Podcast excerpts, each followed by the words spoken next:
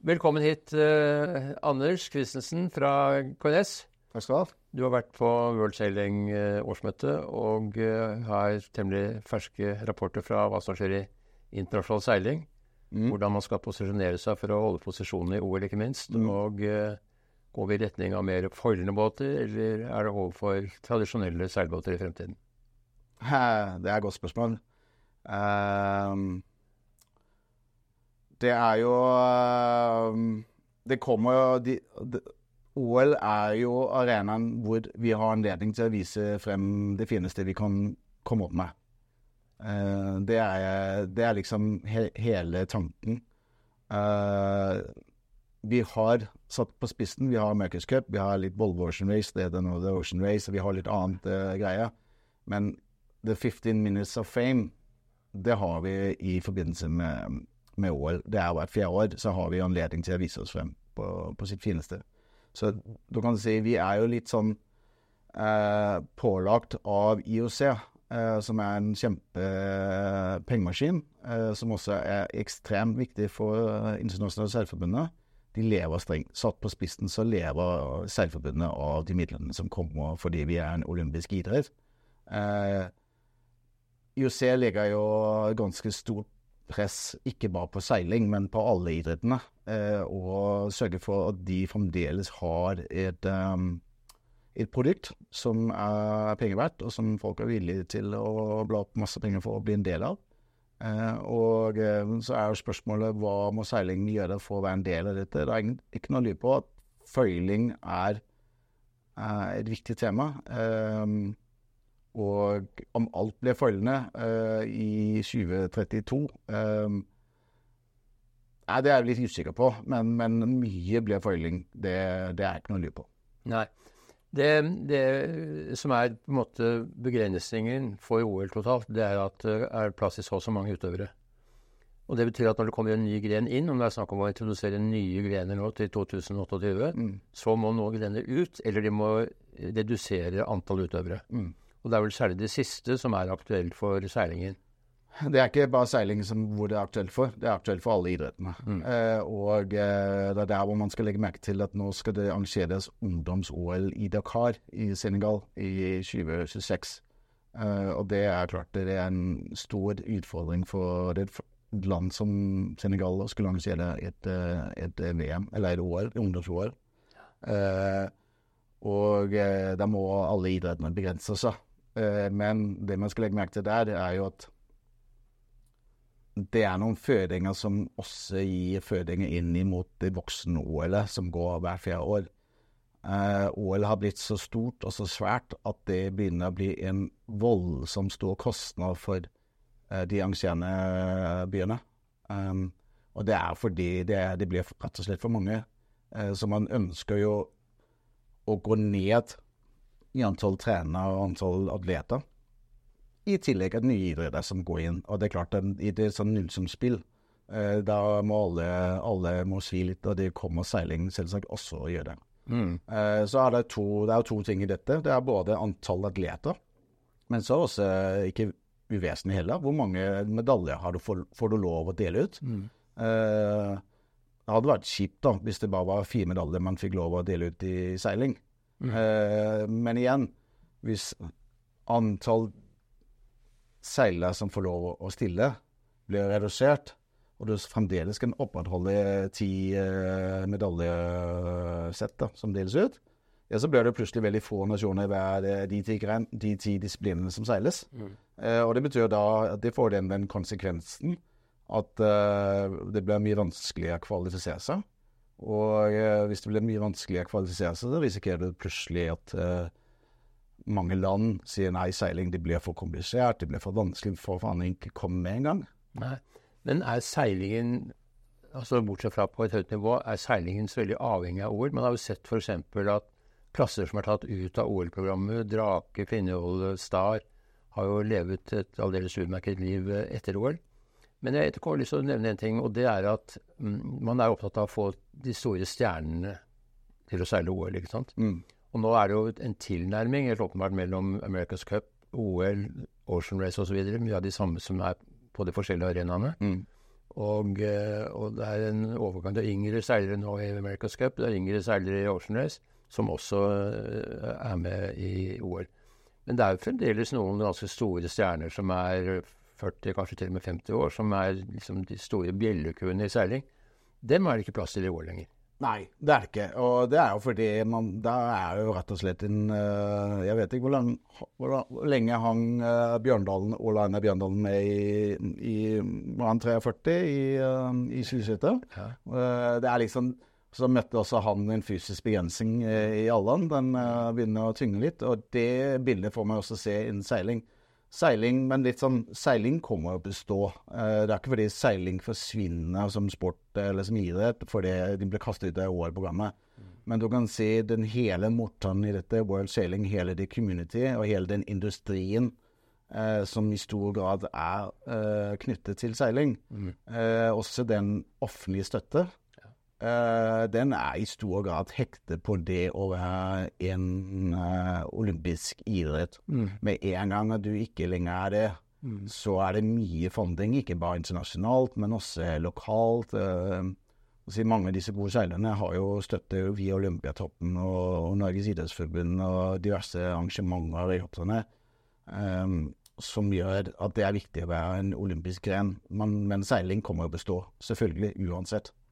Men du sier at du vet ikke helt eh, hvilken retning det går. Blir det alt bare foiling, eller blir det både foiling og andre båter? Vi har jo noen klasser som er populære som ikke er foiling. Laser f.eks., eller Ilka 6 og 7. Mm. Eh, 74 holder vel koken sånn noenlunde med kunstig oljerett, men eh, det er jo De får vel også en oksygenmaske iblant for å holde seg i live, men eh, ja. Nei, altså, jeg Det er det jeg sier, da. Uh, jeg tipper de aller fleste klassene blir foiling, men at det blir noen unntak. Nå snakker vi Ilka, mm. eller det som var laser. Uh, det er vanskelig å se for seg at man går inn i den klassen med å begynne å lage det begynne å bygge foil på den. Mm. Det, det, det, skal godt gjøres. Mm. Uh, der tror jeg heller man får si Altså får vi velge en én type jolle eller én persons jolle mm. uh, som er bygget for foil. og sånn. Begynne å plaske foil på en Ilka, det, tror jeg sitter langt inne. Ja, det, det, som er viktig, da, det er, det er, det er noen klasser som er avanserte og få de få. Og det er det viktig å vise frem flagget. Eh, eller vise det kan man. Og så er det viktig å ha noen klasser hvor mange nasjoner stiller opp eh, for å få den bredden som trengs.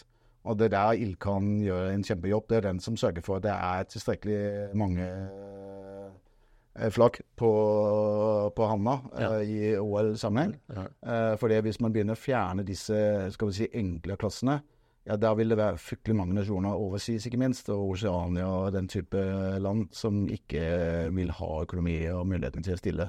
Uh, så du må ha sånn lavterskeltilbud. da. Mm. Wasp er vel på vei opp? Ja, Wasp er på vei opp. Det kunne jo vært et alternativ, det òg. Jeg tror Wasp klassen sliter litt med at uh, du skal ikke være så veldig tung før uh, du begynner å slite litt med å henge med. Og Derfor så tror jeg klassen vil uh, i et olympisk perspektiv ha problemer. Mm. Fordi det er rett og slett for, for snevert med, sånn vektmessig. Jeg tror ikke du og jeg hadde de store mulighetene. Sier hun. det? Vi får til oss en liten digresjon. Vi har jo en norsk seiler, KNS-medlem, Markus Berté, som uh, skal kjempe om medaljene i VM nå i Voss i. Ja. Europamester. Ja. Og uh, Han ble tre i 2018 her nå.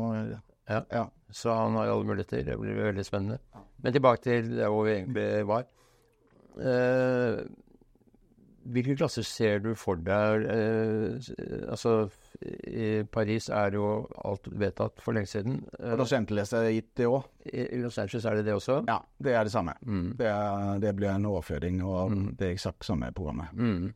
Uh, nei, altså 2032, da. Det er noen år fram i tid. Uh,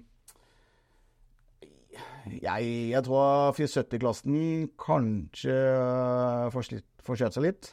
Uh, jeg tror nok man har drøm om å få inn litt Jeg kunne godt se for meg en sånn miks uh, double-hander um, uh, Foiling En ny båt? Ja, en ny båt. Det, det, det, det vil jeg tro. Mm. el, og utenom det eh, Ilkan kom også å leve, men Ilkan har jo vært litt en sånn uh, Har jo hatt en liten problematisk tilværelse gjennom de mange årene, fordi den har vært veldig dominert av noen få produsenter.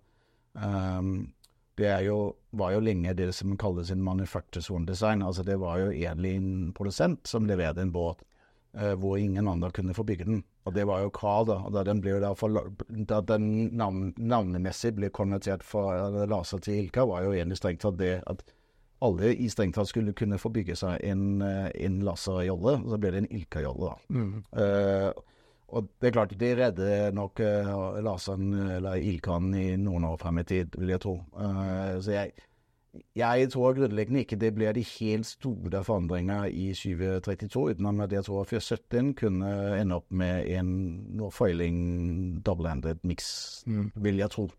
49-klassen står ganske støtt. Uh, det blir vel ikke foreløpig på dem går etter bra, men, Nei, uh, men det, det, er jo vellykkede klasser. Nei, altså 49-klassene står støtt. Mm. Uh, interessant da, da 49-klassen kom i 1998. Mm. Da var det jo ekstremt avansert og virkelig heftig. Jeg husker Morgan Larsen vant det første VM. Ja. Og han var den eneste som ikke kunne seile i det VM-et. Mm. Uh, han sa det var derfor jeg vant. Ja. Uh, og, og, det var veldig avansert, men i dag er det jo sånn midt på treet-klasse. Den er ikke foilende, den, den seiler fort, da. Ja, ja. Den er bedre avansert enn Lasse og en 470, mm. men hvis du sammenligner med IQ Foil og, og Nakra og Kite, mm. så er jo det en, en gammeldags eh, konstruksjon. Mm. Eh, så, men når det er sagt, så, uh, så kommer for den ene klassen å stå, vil jeg tippe, i minimum inn i 2032, kanskje enda lenger frem i tid. Nakra står kanskje heller ikke så veldig sterkt i det selskapet. Den har ikke noen veldig stor internasjonal utredelse. Og hvis du snakker om en ny mixed uh, jolle for, uh, bland, altså for uh, med, med forlig, Nei, kan vel tenkes at det vil komme på bekostning av Nakra. Ja, men det der jeg tror vi skal tilbake til noen andre tanker som begynner å røre seg litt, som jeg tror at um, det er den, det hele den bærekraftsdiskusjonen som pågår. Altså, man har litt en tendens til å assosiere bærekraft til klima og miljø og forurensning og den type. Men bærekraft er også et spørsmål om å i en sportslig kontekst å sørge for at idretten er bærekraftig. Det betyr at det er en uh, Du kan si langrenn var det seks nasjoner som stilte i damestafetten og nylig i worldcupen. Det er ikke en bærekraftig utvikling. Det er at, at alle nasjoner forsvinner. Eh, så det å sørge for en idrett er bærekraftig, betyr også at den har et perspektiv. At den kan leve, og er, at det er omtrent like vilkår for alle. Uh, og ikke minst at man sørger for å bringe kostnad ned, slik at alle, eller mange nasjoner, har rimelig mulighet til å, å, å være der. Og Derfor så tror jeg kom, jeg tror vi kommer i retning av Kanskje ikke man får stille med egen båt i worldcup og type. Det er uh, Worldcupen arrangeres Hvert år arrangeres det worldcup i Kiel. Og så reiser man dit, slik man gjør det i likeseiling-type. Uh, og så får man uh, båtene til disposisjon. Og så seiler man med utgangspunkt i det. Og så reiser man videre til World Cup i, i Gjær med samme opplegg. Uh, hvor det kommer store begrensninger på hva de egentlig får lov til å gjøre. Uh, det er klart det blir litt høyere påmeldingsavgift antageligvis, men på andre siden så vil også det bety at alle stilles likt. Og så blir det kostnadsspørsmålene plutselig litt annerledes. Og Nakran er jo Nakran er en relativt åpen klasse, og den er dyr å drive med. Ja. Uh, men hvis det plutselig blir en sånn type foiling-katamaran hvor det, ja, du må riktignok ha en trener hjemme, men den, den trenger ikke være topptunet, det er jeg enig i for treningsinnbit. Du vet når du, med en gang du skal ut seile de store yachtene, så, så, er det, så er alt uh, stilt til disposisjon. Men der klart så kommer det masse andre diskusjoner. Men jeg tror også det kommer knyttet til at da får ikke du lov heller å trene i området i forkant osv. Du får ikke lov å kjøre dit med egen båt. Så jeg tror det kommer en noen store begrensninger på hva du får lov til for å gjøre idretten bærekraftig. Og bærekraftig i en sportslig sammenheng er jo å sørge for at det er like vilkår for alle, og alle skal ha en rimelig anledning til å stille. Og det er ikke bare kun er de rike nasjonene. Nei. Nei, det er klart hvis du begrenser eh, kostnadene til reise og opphold, så blir det jo mye enklere når du skal ha med deg båten også. Men hvis du da tenker deg Ilka, da, hvor det er 100 båter med, så skal arrangørene holde 100 båter. Ja, også- så ja, da må man dele opp i puljer og Ja, det, det er der må man si det ble ikke helt like seiling med seks båter eller syv i hver klasse. Så ble det kanskje 15 eller 20. Mm. Eh, og så ble det masse heat, kortere, seil, korta seilaser, Mm. korta baner, mer intens, det er mer action. Mm. Eh, I dag har vi et format da, hvor du seiler Hvis jeg stiller ja, Nå er jeg blitt for gammel, da, men hvis jeg stiller i World Cup, da, så vil jeg seile alle gjennom alle seks-syv dager.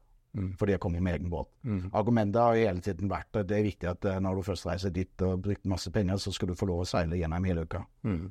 Men da tror jeg man kommer inn i et format hvor det liksom sier ja, jeg er ferdig seilet etter to dager, så får jeg reise hjem. Mm. Fordi jeg jeg blir slått ut, da. Mm. Eh, Alle andre idretten så vet du at eh, du kan ryke i, i første runde. Ja, Så kan få reise hjem. Mm. Der er, vår, vår, der er seiling litt særegen, da. Mm. der, der får du egentlig lov å holde på gjennom uh, hele regattaen. Mm. Uh, den type tror jeg man kommer å se innen det toppidretten, topp-OL-seilingen. Mm. Ikke at det blir fryktelig mye annerledes å seile Hanker Raceway. Det blir det antakeligvis for Det blir, jeg tror, ganske likt det format. Mm. Men, men der tror jeg man får skille toppidretten og det vi skal kalle vanlige folk sin mosjonsidretten. da. Og da kommer man jo inn på noe som jeg vært veldig opptatt av, det er jo formatet. Mm. Nemlig at vinneren regattaen er den som vinner siste seilas. Mm. Og det ser man nå både i America's Cup og i denne nye Star Sailing eh, Sailors League, Mm. Gold Cup, hvor det var kun én seilas som avgjorde, og den som vant, den vant eh, Mm. hele kaka. Det tror jeg veldig på, for det har mye med, med mm, eh, å gjøre.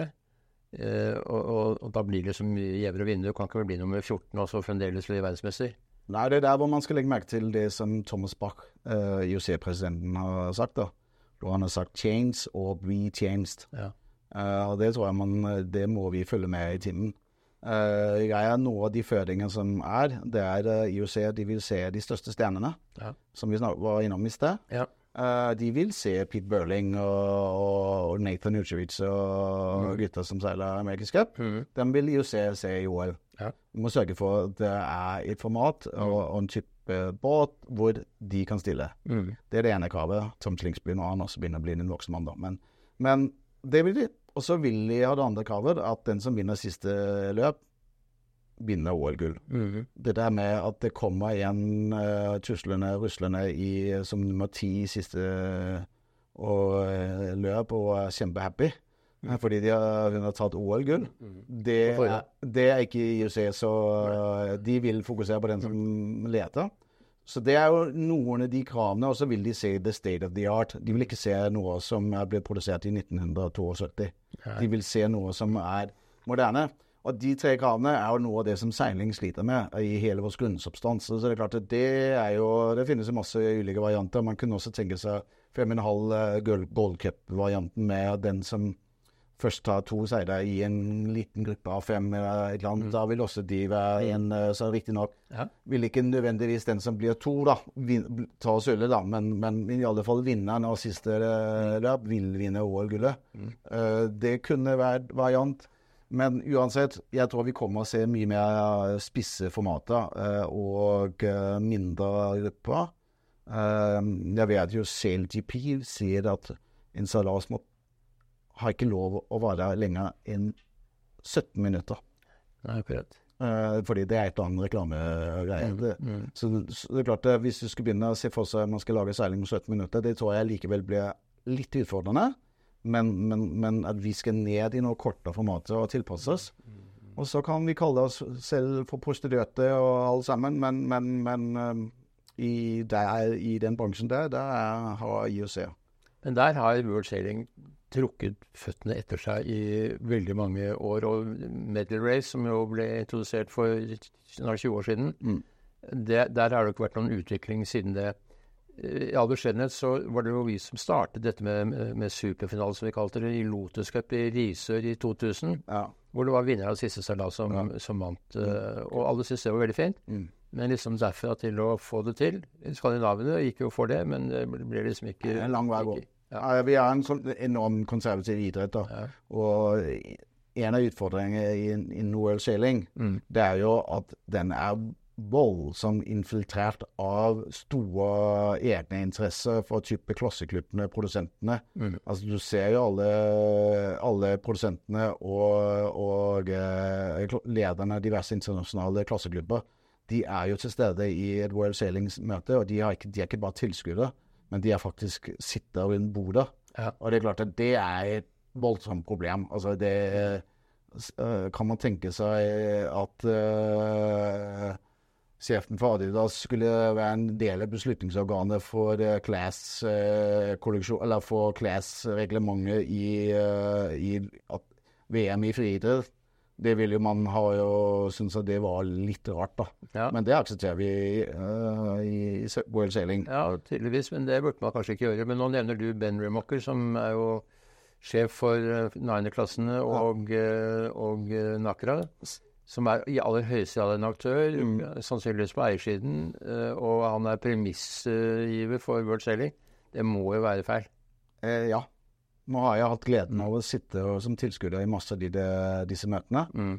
Og oppleve dette her hvor eh, folk sitter i, virkelig og jobber frem sin egen eh, Mm. sitt eget prosjekt, altså sin egen interesse. Og helt um, Det er jo greit, da. Vi har selv invitert dem. Og vi, ville, vi, du og jeg ville antageligvis ha gjort det samme. Mm. Det, premiss, det som det blir feil, er jo at de har lov å være der. Ja, De skulle ja, jo sitte på benken eh, slik jeg gjør, og følge med i debatten. Kan ikke bebreide dem når de først får sagt nei, det er det som, det er der problemet er. Eh, jeg, vi hadde gjort det samme, vi. Mm, mm. Så. Men du var inne på det før vi snakket, eh, begynte denne samtalen, nemlig det at klubbene, de store klubbene burde få en sterkere rolle i dette. Mm. For det er jo de som betaler regningen på mange måter. Det er de Ja. som arrangerer de store yachtene. Mm. Så det er jo et uh, forum da, for de største yachtklubbene i verden som møtes på årlig basis. Ja. Hva, hva oppnår dere? Nei, ja, det er det vi sliter litt med, da. Det er jo at vi har ikke noen rolle inne i dette. Det er oss vi som Nå var vi samlet nå for noen måneder siden, hvor vi diskuterte litt akkurat dette. Og vi forsøker litt sånn å vurdere hvordan vi skal gjøre dette. Uh, fordi vi er alle preget av at noen av disse beslutningene som tas i World Shelling sin sammenheng, uh, påvirker jo oss veldig, uten at vi har en saying inn i dette. De bestemmer hvor, hvor mange dommer som skal være i regattaen, og hvor de skal komme fra, og diverse. Og det er vi som skal betale. Uh, og det er vi begynner å bli lei av. Det, det er vi tilbake til det bærekraftstrategien. Altså, det kan ikke nytte noe. Nytte at vi Med en gang vi takker ja til et VM, så er vi allerede på minus en million. Fordi vi vet allerede, allerede hvor vi blir pålagt av diverse kostnader. Uh, og det kan gå én gang, og kanskje to og tre. Men det er ikke, det er ikke en bærekraftig strategi. Mm. Så vi må begynne å se på måten vi, vi gjør dette, og ta de viktige beslutningene. Og det er klart det er noe av det KNS jobber for eh, internasjonalt. At eh, vi får en rolle i dette, og også at eh, noen eh, lytter til hva vi mener rundt dette. Og nå har jeg vært i de der World Sailing sin møte jevnt og trutt gjennom mange år, så begynner vi begynner å få innpass, da, men vi har fremdeles ikke noe, noen plass rundt bordet. Nei. Dessverre. Men hvem er det som styrer World Sailing i dag? Er det de valgte representantene, altså Executive eh, Committee, som er visepresidenten og presidenten? Eller er det administrasjonen eh, i England? Nei, altså, det er ikke noe å lure på at uh, council, altså, Det er selvfølgelig council som er det bestemmende organ på mange måter. Som skal beslutte Som skal endelige beslutninger? Ja, Som skal ta de endelige beslutningene. Eh, og der er jo det jo ganske demokratisk bygd opp. Og vi i Norge er en del av gruppe G, som har to plasser. Og gruppe G da, de nordiske landene av Baltikum. Vi har to plasser inne i council. Mm. Eh, så det er jo i in så henseende ganske demokratisk. Men, men jeg opplever også at, eh, at sekretariatet er blitt um, De sitter med mye makt. Og det er jo noe av den debatten som er det sekretariatet sitter i Storbritannia, og alle vet hvem som har altså, Ja, vi er demokratisk, men alle vet at det er Storbritannia som uh, bestemmer uh, ganske mye hva som skjer internasjonalt innen seiling. Mm. Uh, og det har jo vært diskutert om ikke egentlig det sekretariatet til World Sailing skulle ha, i, skulle ha vært i Sveits, slik alle andre land har. Fordi man fikk, kanskje fikk dekoble litt en kobling til Storbritannia. Det er ikke noe problem at det er Storbritannia. Det problemet er at Storbritannia i tillegg er en supermakt innen, innen seiling. Mm. Så det er den koblingen der som kanskje er litt problematisk. Uh, men, men nå er det et reformprogram på, på, gang, på gang, eh, og noen av disse diskusjonene knyttet til reformene eh, har gått litt bak eh, lukkede dører. Så det er litt vanskelig å vite hva egentlig skjer. Eh, men, men jeg tror enig utmerket godt at IOC, eller World Sailing, eh, kanskje med litt hjelp og assistanse for IOC, er oppmerksomme på at måten vi driver og organiseres på internasjonalt, ikke er like hensiktsmessig. Nei, akkurat.